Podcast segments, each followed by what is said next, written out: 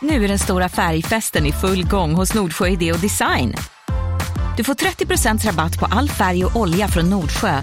Vad du än har på gång där hemma så hjälper vi dig att förverkliga ditt projekt. Välkommen in till din lokala butik. Nordsjö idé och design.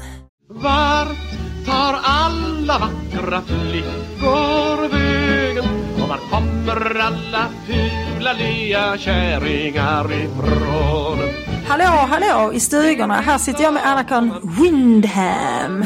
Eller hur var det nu? Va, va, hur är ditt efternamn Anna-Karin? Det är så svårt. Vy, ja, eller hur? Vyndhamn, tack. Svenskt Ja. uttal, brukar Själv jag säga. Heberlein, säger folk ibland.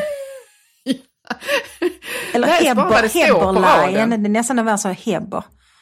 Heberlein, ja nej det vill man inte. Hepp hepp, Hepp, hepp. Här ska vara lite En hepp gång så, så blev jag kallad Hermelin. Det tyckte jag var lite fint för det är ändå lite adligt. Det var väldigt fint, ja precis. Vill du vara hermelinen eller vill du vara katten? Alltså jag, är ju, vara... jag är ju en bundkatt. Ja, precis. precis. Jag är en Men eh, vi har en eh, härlig diskussion framför oss, men vi ska väl eh, Mm. bocka av vår lilla, vårt irritationsmoment först. Ska du säga först idag, Ann, vad du har irriterat dig på under den gångna veckan? Ja, alltså när det gäller att irritera sig så är jag inte nödbedd kan jag säga. Nej. Så jag kör gärna igång. Och en sak som jag retar mig enormt mycket på, det är maskiner som piper omotiverat. Aha, Har du alltså sådana piper- maskiner? Ja, jag har en eh, diskmaskin som piper Ja. onödigt många gånger när den är färdig. Och sen Ja, men har jag varför framförallt- gör den det? Vad är det för jävla skit? Jag tror att den maskinen säger till dig, stäng av mig, stäng av mig, stäng av mig.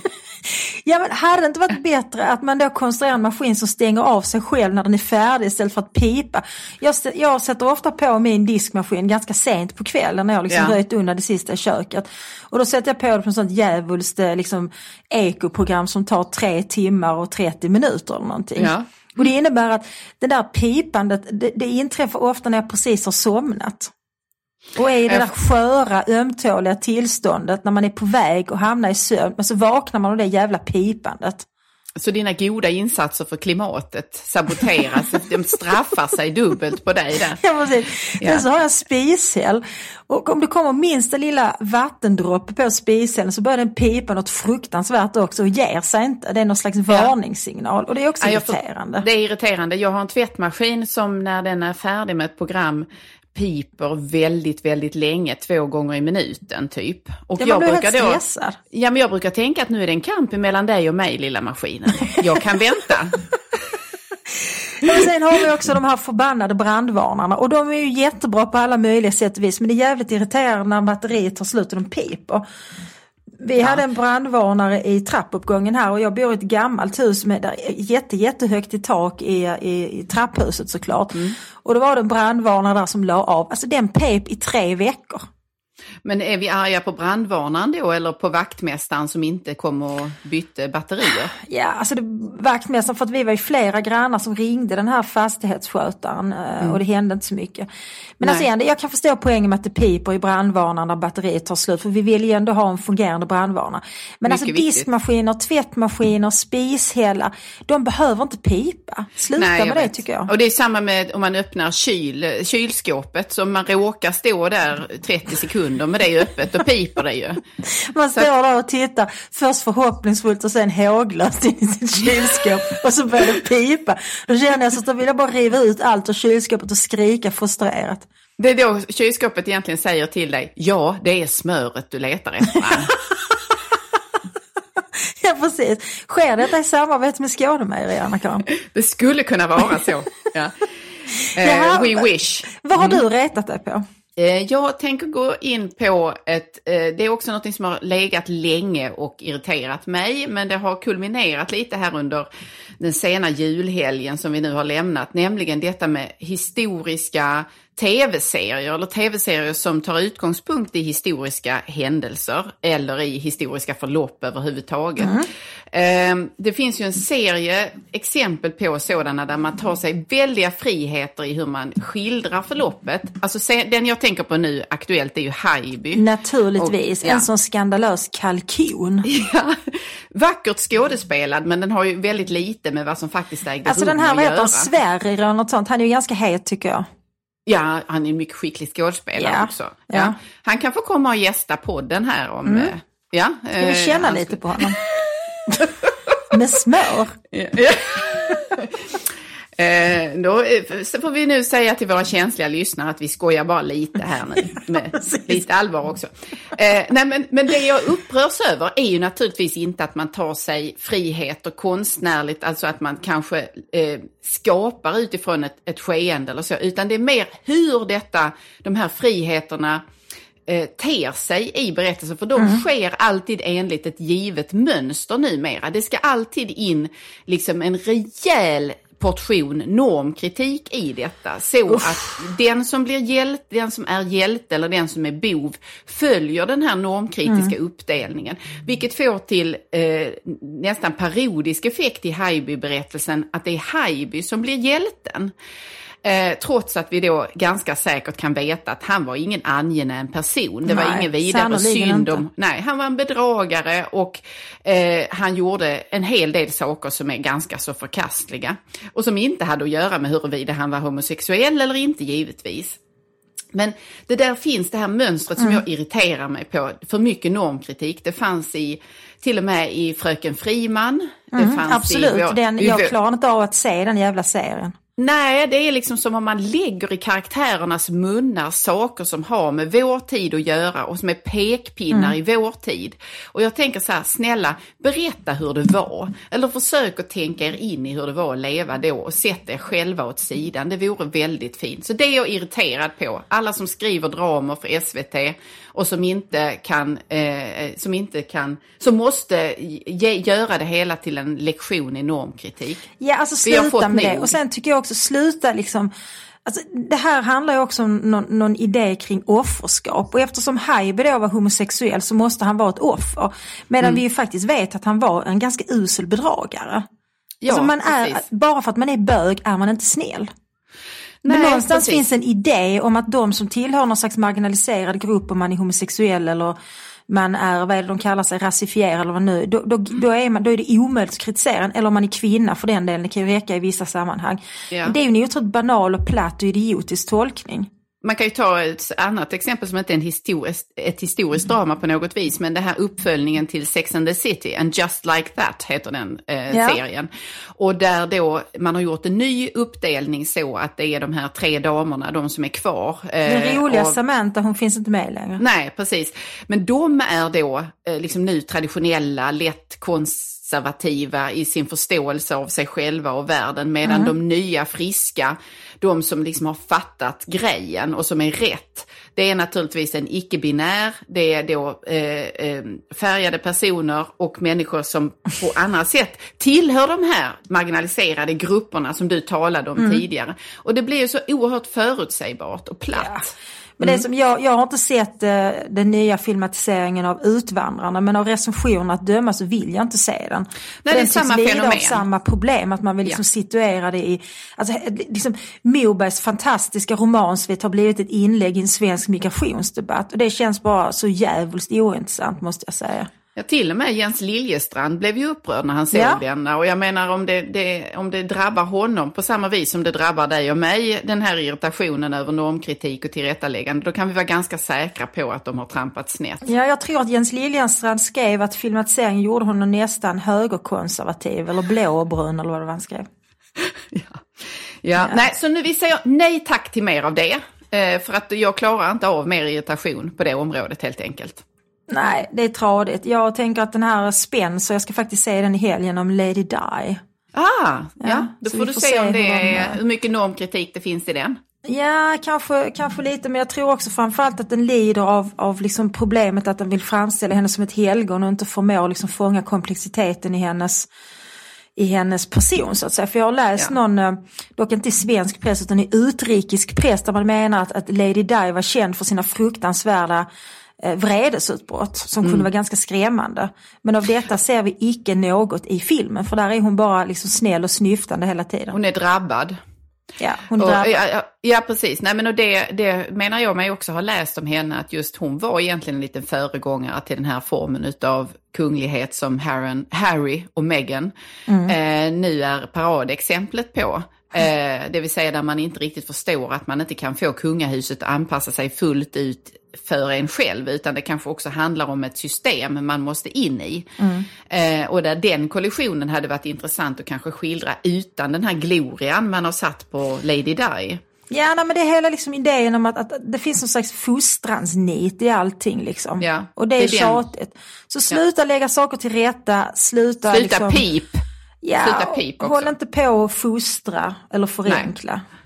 Nej, precis. Nej, jag försökte föra samman våra irritationsmoment här. Sluta fostra, sluta pip. Annars vill jag ha det i den här Haijby så skulle jag vilja varenda gång som de kommer något som är felaktigt och inte historiskt korrekt så vill jag ha ett pip. Precis. Nu snarkar han när det inte kluckar Nu kastar vi oss över dagens egentliga ämne. Ja, Eh, vad är det?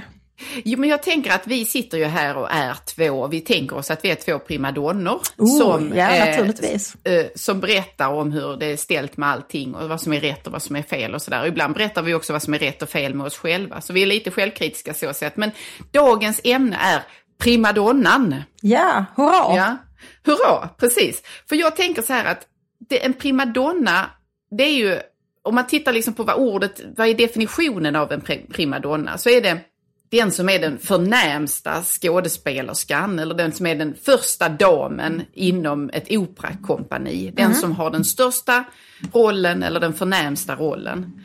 Det är ur eh, liksom, betydelsen av primadonna. Vad, vad får du för bild av en primadonna eh, när du hör ordet eller när du begrundar det?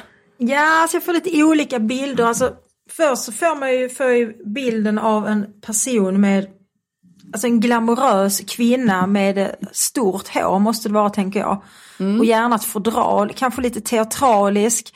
Eh, en kvinna som tar mycket plats, alltså det, det är en kvinna som, som inte räds att, att betona sin kvinnlighet och en kvinna som också har krav och pretensioner som förväntar sig att bli bemött på ett på ett särskilt sätt. Och där går vi över i andra bilden av prima- primadonna som är en person som då, alltså man säger att någon beter sig som en primadonna så pratar man inte om hennes fluffiga hår utan då menar man att det här är en person som ställer allt för höga och orimliga krav på sin omgivning och på hur hon vill bli bemött.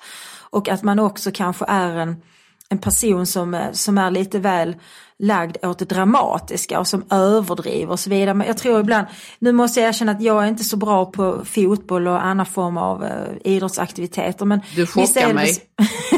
du blir jätteförvånad. Visst är det så att om man, om man säger att någon fotbollsspelare beter sig som en primadonna så är det väl det att man menar att den här personen filmar och gör sig till och, och är lättkränkt och så vidare. Ja, och kanske inte är någon som, som passar till de övriga spelarna utan som tar hela planen som vore det hans eller hennes Ja. Scen.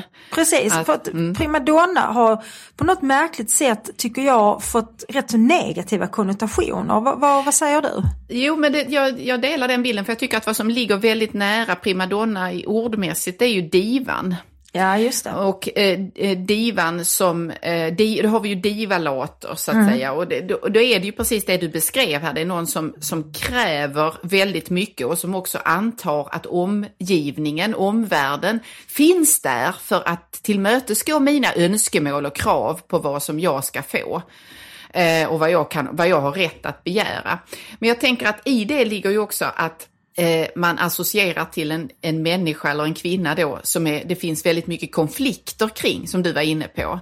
Just att det. det, det, det är någon som eh, i, i uttryck, när man uttrycker de här kraven man har på omvärlden så blir man väldigt arg också om inte någon annan tillmötesgår dem.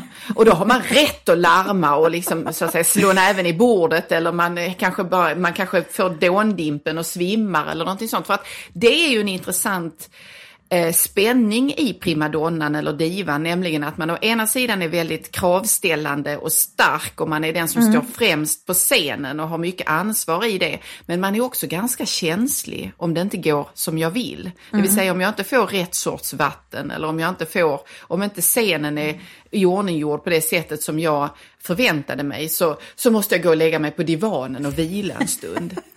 Så det finns ju både styrkan i kvinnligheten och det finns skörheten inom samma karaktär här för något. Så ser jag det i alla fall. Ja, men jag håller med om det. Och jag tänker också att, alltså det finns något lite misogynt över detta. Gör Ja. inte det? Därför en man som är den främste, som, som är ledaren, som är den som står i rampljuset och så vidare. Den mannen kan ju också vara en person som, som kräver väldigt mycket av sin omgivning och som förväntar sig en viss service och så vidare. Och den mannen får ju oftast det, skulle jag vilja påstå. Ja. Men kvinnan kanske inte får det på samma sätt. Nej, och men då det- använder kvinnan det som kvinnor använder, nämligen som jag faktiskt var inne på innan när jag pratade om irritationsmoment, eh, sin, eh, sin offerposition som kvinna. Ja, precis. Jag, ty- jag tycker det är en jätteintressant eh, observation i det, för jag kom faktiskt att tänka på en, eh, alltså när vi pratade om att tala om det här ämnet så kommer det ju upp bilder av olika sorts primadonnor eller divor i, i minnet. Och jag kommer att tänka på en intervju med Lill Lindfors. Eh, i Här är ditt liv, i det här gamla programmet som Lasse Holmqvist hade på, Ja, på det. 80-talet, eller slutet på 70-talet, början på 80-talet. Kanske till och med ända in på 90-talet om vi, är- om vi är riktigt korrekta. Men då, eh, då är Lill Lindfors gäst, huvudgäst i detta program. Och så säger han så här till henne, Lill, du har alltid, det, det sägs om dig att du är så besvärlig. Du har såna, det är alltid besvärligt att arbeta med dig och så vidare. Då. Så försöker han trycka på att hon alltid liksom ska ha det på sitt sätt. Varpå en av de som sitter som hennes gäster bry- avbryter Lasse Holmqvist och säger att vet du vad, jag blir så irriterad när du säger på det sättet därför att Lill är inte besvärlig, hon är noggrann. Hon vet i vilken vinkel hon ser bäst ut. Hon vet hur hon ska stå på scenen för att sjunga bäst. Varför skulle hon inte säga det då?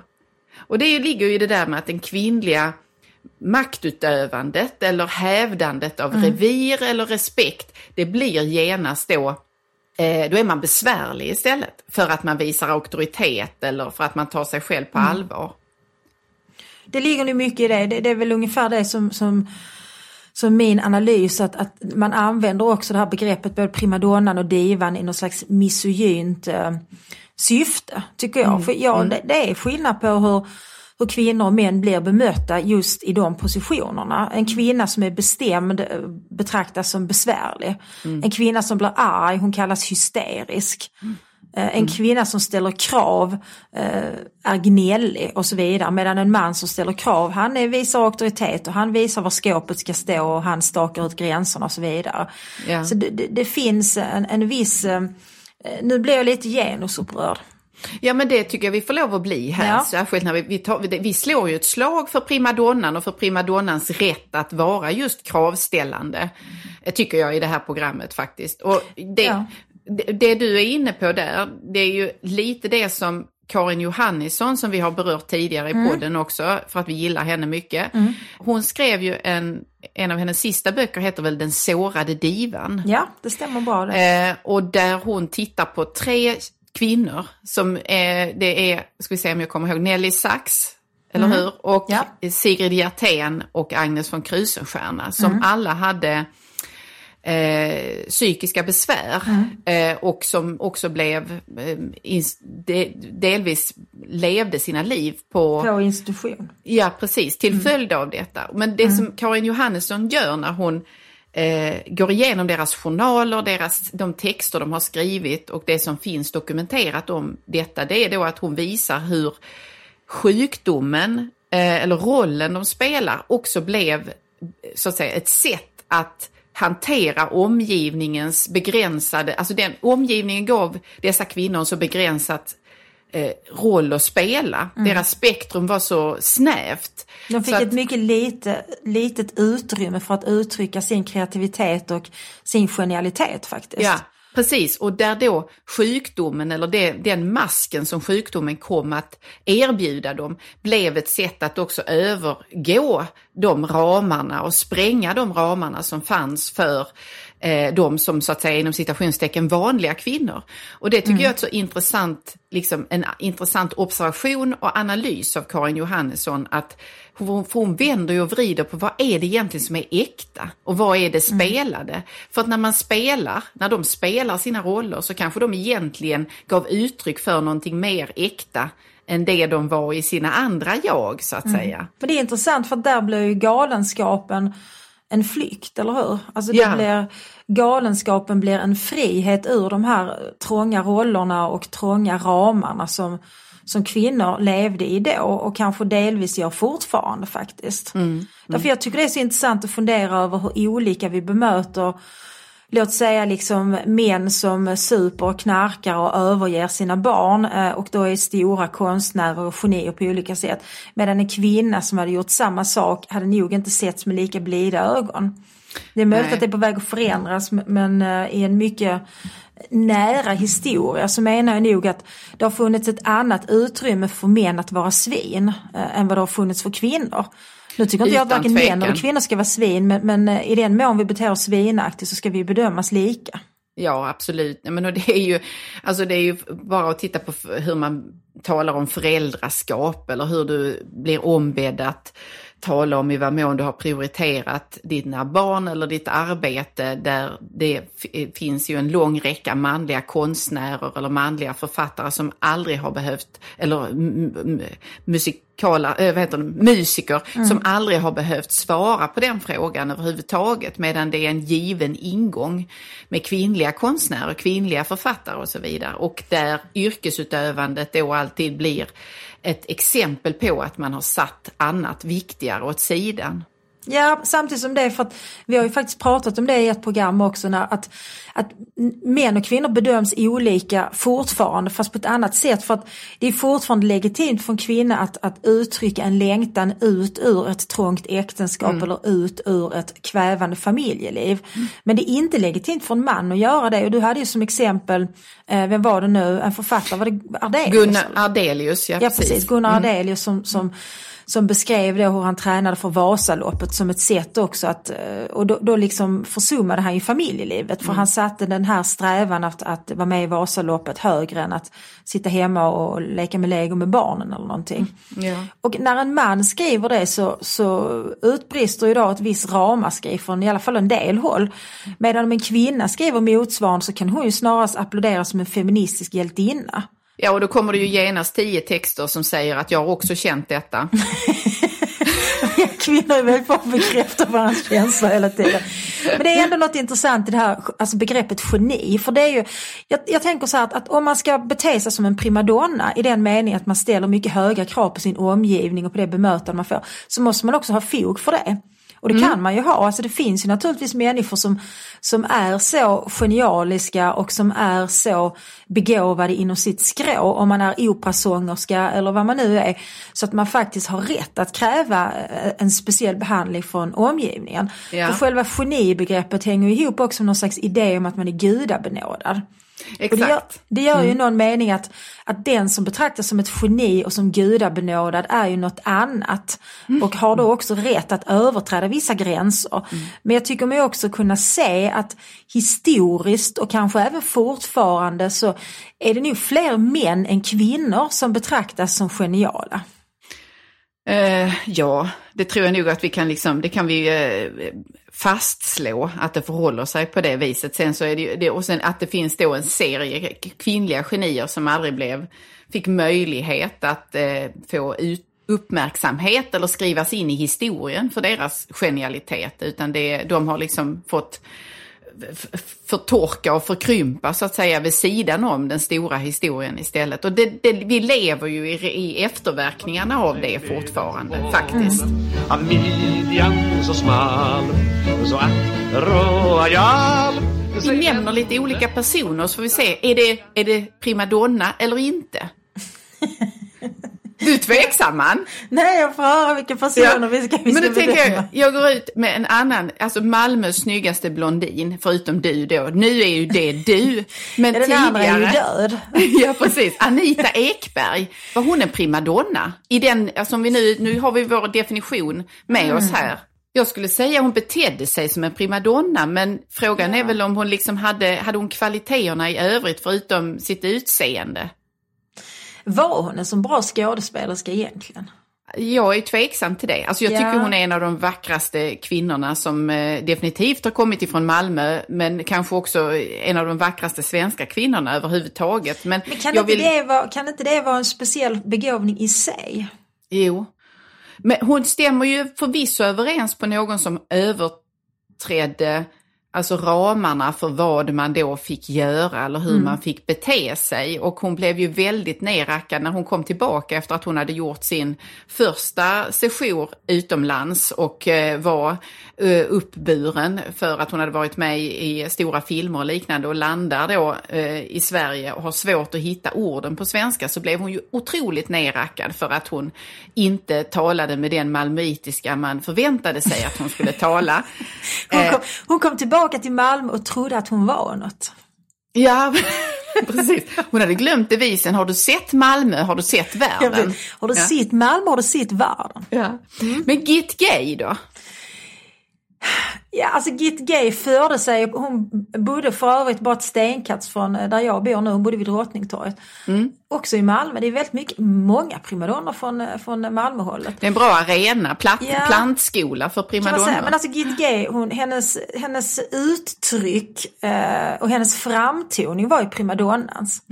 Men jag vet inte om hon var så jävla gudabenådad. Om man nu ska Mm. Nej, men jag skulle som säga att för de här två för mig, alltså är på något sätt exempel också på personer som snarare eh, också går in i rollen som primadonna. De Alltså, spelar det, rollen av Ja. primadonna, och, exakt. och det gör ju, ta Sara Leander till exempel. Eh, hon hade ju en enorm, var ju en gudabenådad röst verkligen, men eh, där hela hennes scenpersonlighet, hennes persona, var ju primadonnans. Snarare än, Ja, precis.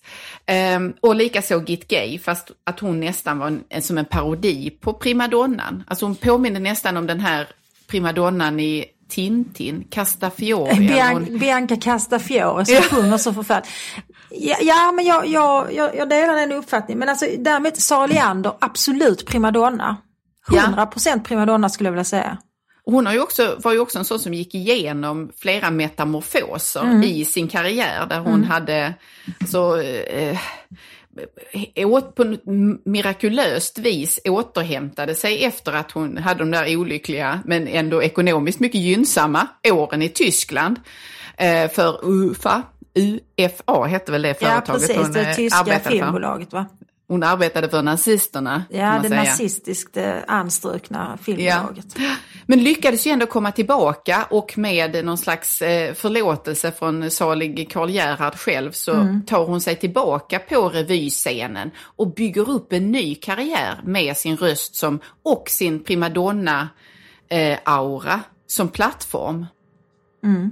Och det är ju någonting som är jag kan inte komma på någon annan sån här som, så, det saknar liksom motstycke. Ja men jag Sara. Leander, är inte hon ur primadonnan? Jo, kanske man skulle det. kunna säga. Och är inte Birgit Nilsson ännu mer primadonna? Jo, hon är också mycket primadonna. Jag tycker hon kan konkurrera med Sara Leander ju- om... ja. Men Sara Leanders, alltså jag tycker ändå det är ett plus att hon är tysk. Jag tycker det är lite primadonna Att hon har varit i Tyskland menar du? För att inte var hon väl, var hon tysk-tysk? Det var hon väl inte? Sara Leander?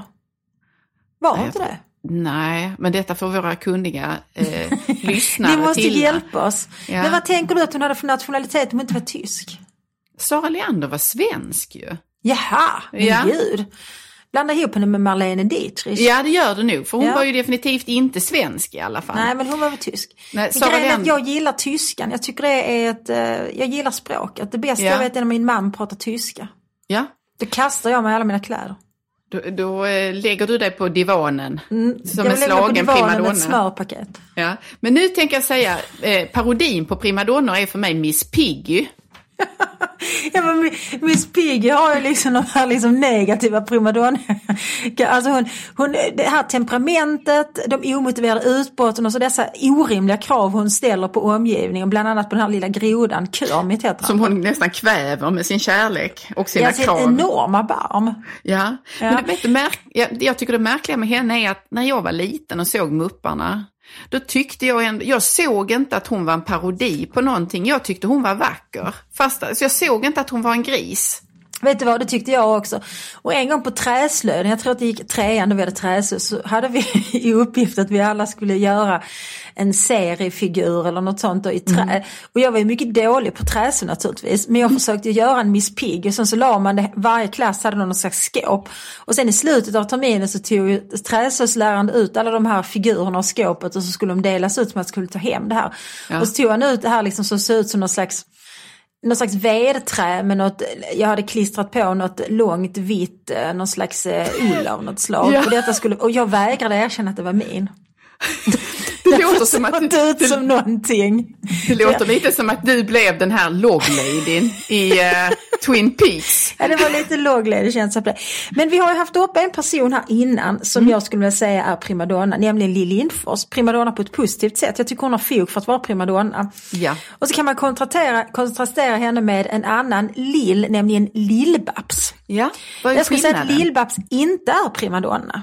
Nej, Och det är ju, alltså Lill-Babs har ju alltid odlat den här vanligheten. precis. Hon har ju odlat tjejigheten och hon har ju också liksom utstrålat någon form av eh, ödmjukhet. Ja, men jag håller med dig där och det, det är ju också ganska omvittnat att när Lill-Babs var ute på turné och när hon arbetade med ett, ett band eller något liknande så var hon med och bar in alla saker, hon var med och städade, hon jobbade jämte eh, det övriga teamet från början till slut och var väldigt omhändertagande. Och det är ju någon slags antites till primadonnan som går in på scenen Som vill bli matad med choklad och champagne. Ja, precis. Och där alla ska liksom, man har ett entourage runt sig som, som eh, putsar på naglarna eller ser till så man har någon fläkt i ansiktet. Det hade ju inte varit ifall det var du, för du gillar ju inte fläktar så mycket. Men, de låter för mycket. Ja, precis.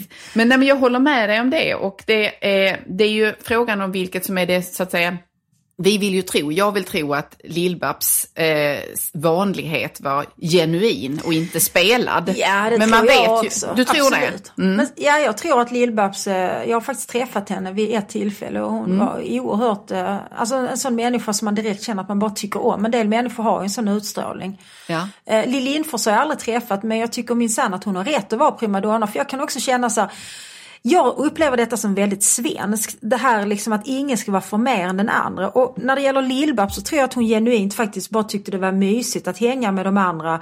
Och att konka grejer och få vara lite mamma då om- om detta nu stämmer som du berättar.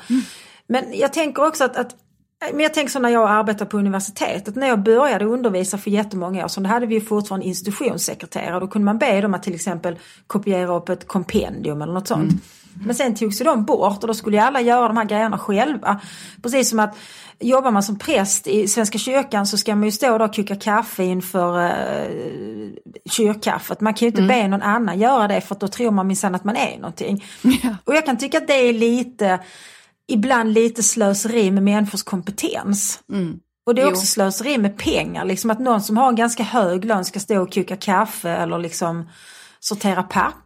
Alltså, Men, men det är väl liksom- eh, det är ja, baksidan av du-reformen det här på något sätt. Det är baksidan av eh, riv alla pyramiderna och så vidare. Alltså Ja, hela precis. det tankegången av att vi ska alla stå på samma trappsteg och det ska inte finnas några hierarkier. Jag har ju eh, berättat många gånger i andra sammanhang än i den här podden om att när jag arbetade på nationella sekretariatet för genusforskning, som, det var en verksamhet som var besatt av att inte ha några hierarkier inom sig. Jag skulle liksom inte ha någon titel som markerade om man var över eller under någon annan, utan vi skulle alla vara ungefär på samma nivå. Men jag har aldrig varit på ett ställe som var mer hierarkiskt än vad detta var.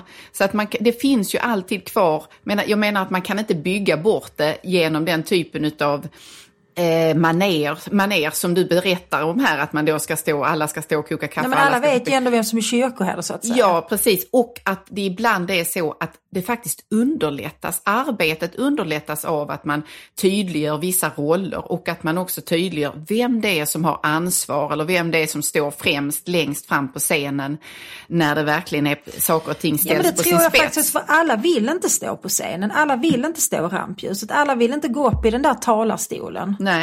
Utan en del tycker faktiskt att det är trevligare att vara lite i bakgrunden. Ja. Och det, det, det är väl också en del av hela vår narcissistiska kultur att man förväntas, alla förväntas vilja vara stjärnor på något vis. ja, precis. Men, Men- men, det behövs också väldigt många människor som inte är stjärnor för att de här stjärnorna ska vara stjärnor. Alla kan, inte vara, alla kan inte vara Zlatan i fot- fotbollslaget. För att då blir det liksom en, eh, det funkar kanske Nej, inte då. men det är inte, Zlatan är ett intressant exempel. Nu har vi ju fokuserat på på kvinnor och vi tänker väl ändå att, att liksom begreppet primadonna det associerar främst till kvinna men är inte Zlatan också en primadonna? Jo, det skulle jag verkligen säga att han är. Och han, han, han gör ju det i egenskap av det här som vi har beskrivit som den typiska, alltså primadonnan som kan någonting, som har en förmåga, en kvalitet eller liksom ett ansvar som vilar på eh, honom eller henne och utifrån detta kräver saker av omvärlden då. Du ska, liksom, de ska stå och buga inför denna förmåga och kompetens. Mm. Och det har ju han gjort på ett närmast, liksom, det är ju, han gör ju det med humor ibland och lite läskigt ibland skulle jag säga, för man undrar så. Alltså det skulle vara skönt om du skojade nu, tänker jag ibland, när han säger sina grejer. ja, han, säger vissa, jag vill, ja. han pratar om sig själv i tredje person. Är Zlatan som säger så. Yeah. Men han, precis som alla primadonnor skulle jag för detta är ytterligare en kvalitet hos primadonnor, han väcker ju mycket starka känslor. Och yeah. det där bör, en, en primadonna bör väcka starka känslor. Mm. Av beundran, eh, av eh, kärlek men också av eh, liksom illvilja och, och så vidare. Eh, och i, I denna stad jag nu sitter i Malmö så sattes det upp en enorm staty av Zlatan. Ja just det. Det gick inte bra kan jag säga. Nej men det, man ska inte göra statyer av levande människor, nu levande människor. Nej det är, det är alltid känsligt. Men, men utan tvekan så är det så att Zlatan är en person som, som väcker känslor så till den milda grad att folk vandaliserar den här eh, ja. statyn i alla fall. Men, men, men, vet du vad jag har tänkt på också, att apropå det när vi förde över det nu på, på manliga primadonnor, eller mm. som, som beter sig som den typen av primadonna vi just beskrivit. Där tycker jag att det finns en trend också i den typen av primadonna som Git Gay var och som eh, eh, Anita Ekberg eller Sara Leander som vi har då beskrivit på olika sätt, de också var extrema i sina uttryck och hur mycket smink de hade och mm. hur stort hår de hade och så vidare den, har ju, den rollen har ju i mycket hög grad försvunnit från biologiska kvinnor. Om du förstår vad jag menar. Medan ja. den har då anammats och övertagits, nästan kidnappats av män som antingen spelar kvinnor, typ Christer Lindarw, eller eh, män som delvis spelar eller använder och lånar kvinnliga attribut. Och då tänker jag till exempel på operastjärnan Rickard Söderberg, tror jag han heter mm. va? Mm, som som eh, använder enorma mängder makeup. Han, gör det på, han målar sig väldigt skickligt och som har målade naglar och som stylar sitt hår på ett sätt där han leker med primadonnans olika attribut. Men där jag funderar på om det är så att de har så att säga tagit den rollen ifrån kvinnor. För jag kan inte komma på nu existerande kvinnliga artister som överdriver på det sättet som Git Gay exempelvis gjorde. Vad, kan du det? Petra Mede är den enda jag kommer på som är det här extra allt ibland. Men, men inte, på det, inte till den graden som våra urprimadonnor gjorde. Nej men alltså Petra Mede är ju bra på att, att spela primadonnarollen i liksom sitt uttryck och gester och sitt tonläge och sina krav och så vidare. Men inte så mycket utseendemässigt skulle jag säga. Att hon använder sig inte så mycket liksom av de här Alltså det finns ju ingen överdriven kvinnlighet hos henne på det sättet som man kan se det hos Christer Lindarw och, eh, och eh, några andra sådana här kända kvinnoimitatörer eller vad man ska kalla dem. Nej. Men jag vet förvisso att Christer Lindberg har sagt när han har talat om hur han gör när han spelar kvinna, att det viktigaste för honom och det han försökte lära sina adepter eller medkreatörer i After Dark var just att inte överdriva i gestik och så. För att när en man ska spela en kvinna så tror man att man liksom man vickar så in i helvete på röven när man går. eh, och, och, och, skjuter ut bysten och så vidare. Men att det är de små, det ska vara mycket, mycket små rörelser istället. Det är då det blir trovärdigt att man faktiskt så att säga iscensätter en kvinna. Ja. Och jag tror han har en poäng i det. Såvida man inte satsar på att spela Git Gay då, för då ska man ta i. Ja precis, för sen så, så har vi ju liksom Alltså de män som går mer in för att, att vara kvinnliga på ett sätt så att det är uppenbart. För jag menar Christer Lindar ville väl ändå se ut som en kvinna så att säga. Jag känner ja. att jag är ute på djupt vatten här. Jag blir väldigt nervös för vad jag ska säga. Det, det här är mycket svårt att prata om Anna-Karin. Eh, jo, jo, nej men det är klart att det är en skillnad för att Rickard Söderberg som vi jämför med, han, han, har ju inte, han, han spelar ju inte någon existerande kvinna, han är ju sig själv, men han gillar att sminka sig. Ja men det är ändå, det säger det är en skillnad. någonting om makt att att få kvinnor använder sig av de här traditionellt kvinnliga attributen så medvetet. Mm. Alltså, det handlar både om, om artister, om politiker och andra offentliga personer och privatpersoner för den delen. Eh, därför att när en kvinna gör det så, så blir hon liksom vad ska vi säga, vampig och, och oseriös. Eh, om en man målar naglarna, jag vet inte. Det beror Nej, då är lite det, på det, det är lite fräckt nu. Det är fräckt Ja, nej, men det. jag tänker Ja. vi har ju den här eh, liksom manliga professorn Mikael Dahlén som alltid har målade naglar och, och ganska liksom spektakulär utstyrsel på olika sätt. Eh, Så att det, det, det, det är liksom lite olika bedömningar. Men kan man tänka sig att kvinnor klär ut sig till män i offentligheten idag? Mm. Eller anammar manliga attribut i någon mening? Ja, men det är ju det kvinnor med makt har gjort eh, i långa tider egentligen. Att man har försökt tona ner sin kvinnlighet. Det är ju därför de här primadonnorna var så, så hoppingivande och så energigivande, livgivande till och med.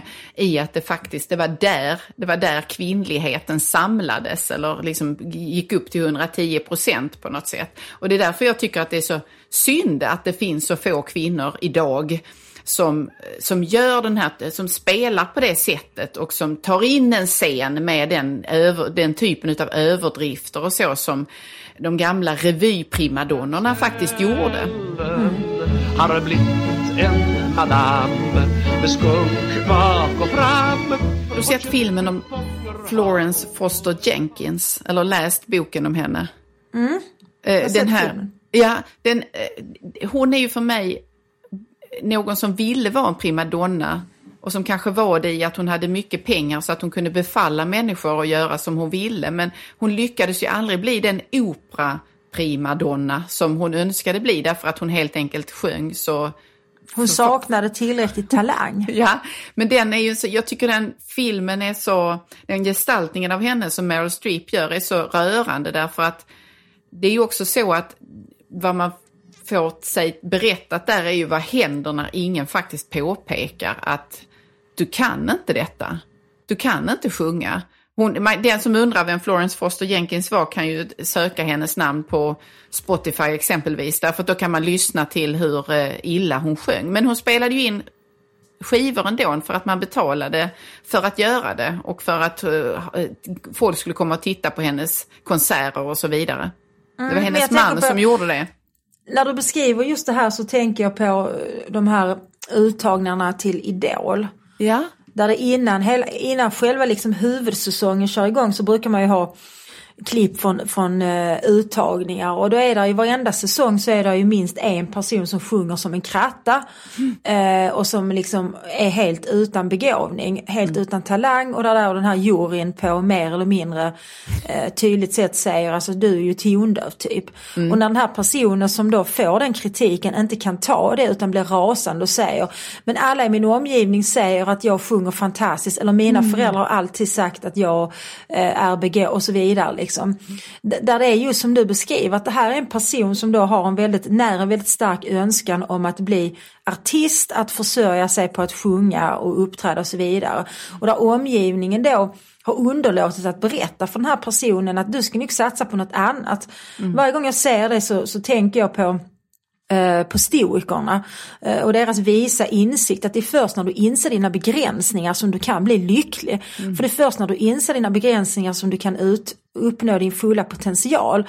Därför så länge du drömmer om att bli sångerska och är tondöv eller fotbollsspelare och saknar eh, liksom bollkänsla så kommer du vara olycklig. Och du kommer inte uppnå den potential du har för att till exempel istället bli eh, doktor i etik eller läkare eller bagare eller vad det nu kan vara. Därför att du kämpar med något som du aldrig kommer att uppnå och då förnekar du dig själv din möjlighet att bli lycklig och Ja, tillfreds. precis. Nej, men det kan man inte tänka så här att vi har ju efterlyst primadonnor lite grann i, Mm. i dess ursprungliga bemärkelse. Men vad vi har fullt utav just nu, det är ju människor som går runt och tror sig kunna väldigt mycket om saker eller kunna behärska fält eh, som de kanske inte gör för att man inte har talat om för dem att det här det här håller inte eller det här kanske du inte kan och så. För det tycker jag är te- ett tecken i tiden att vi är lite för försiktiga både gentemot unga barn men också då när de kommer till universitetet och studerar att faktiskt poängtera, eh, understryka när någonting inte håller måttet och när Mm. man kanske måste inse att detta är inte för dig. Du får, nog- Nej, får, jag vi tror det är nödvändigt att vi faktiskt berättar det. Ja, och det är ju en del i att kanske ta sitt ansvar som vuxen, att göra det ibland och inte bara säga att eh, applådera en målning eller en text fylld av fel som vore den liksom ett mästerverk. Därför att det, så, man, inte heller, man behöver inte säga till en fyraåring så, du saknar totalt talang för att teckna, gör något Nej. annat. nej, eh, vänta det, det är en dålig det. idé. Jag, jag talar om när man liksom har gå- gått, när det, man står i kommunikation. På, Ja, jag på, förstår ja. det. Men så att vi inte ska ha här liksom, ett ketchup-missförstånd igen. Nej, nej.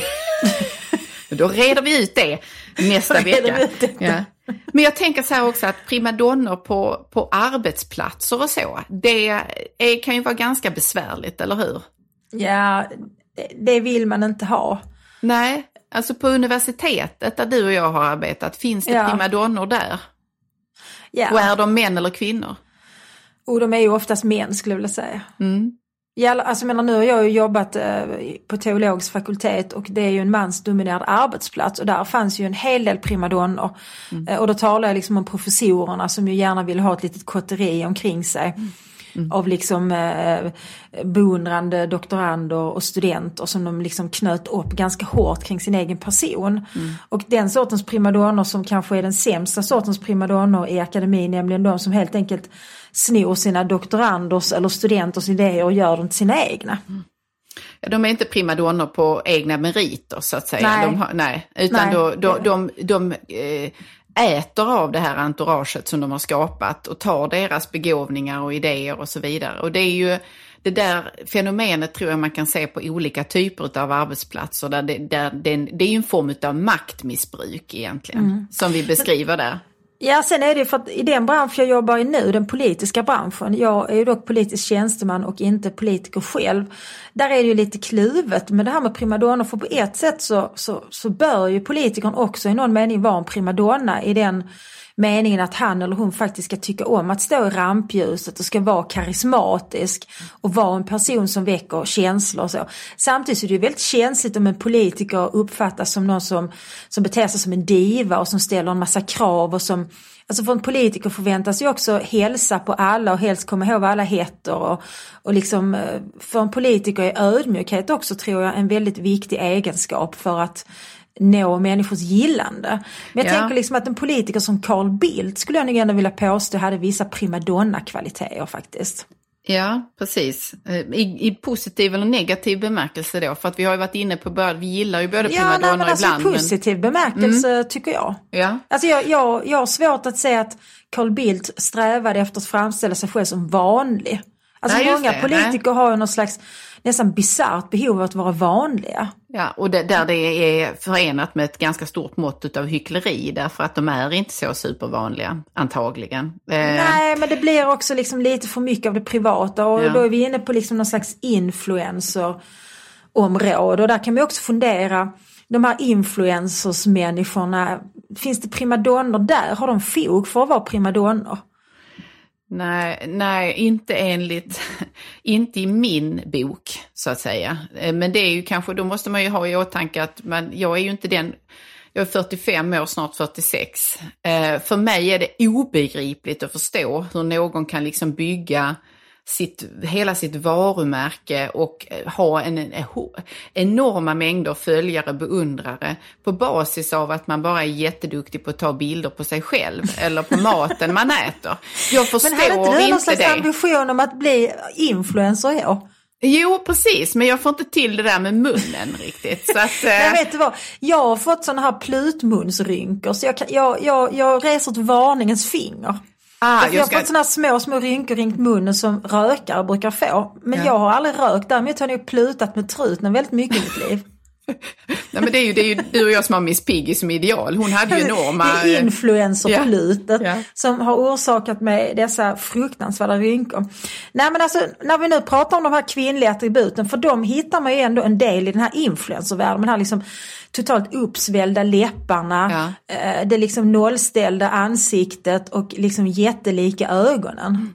Ja, Men det är ju intressant att kontrastera, mot de kända primadonnor vi har. Må vi tänka i Sverige eller i, i en, liksom någon slags europeisk kontext. Mm. Ma- Maria Callas är ju också naturligtvis en primadonna Ja, och diva absolut. och så.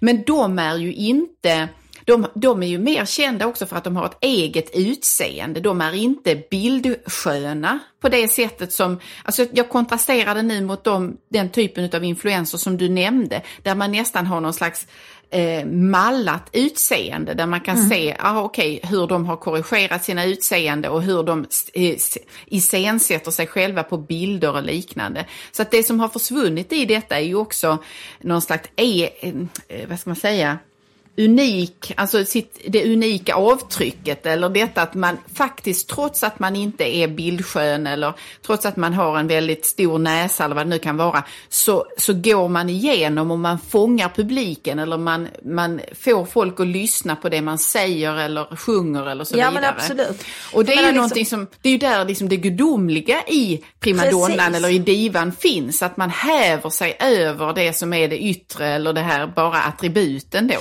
Ja, för jag menar, Birgit Nilsson var ju ingen pangbrud. Det kan man inte påstå. Nej, nej, men däremot Men hon har var det en väldigt... primadonna. Ja, det var utan hon. tvekan. I, i dess ursprung, en diva och en primadonna i ursprunglig bemärkelse. Mm.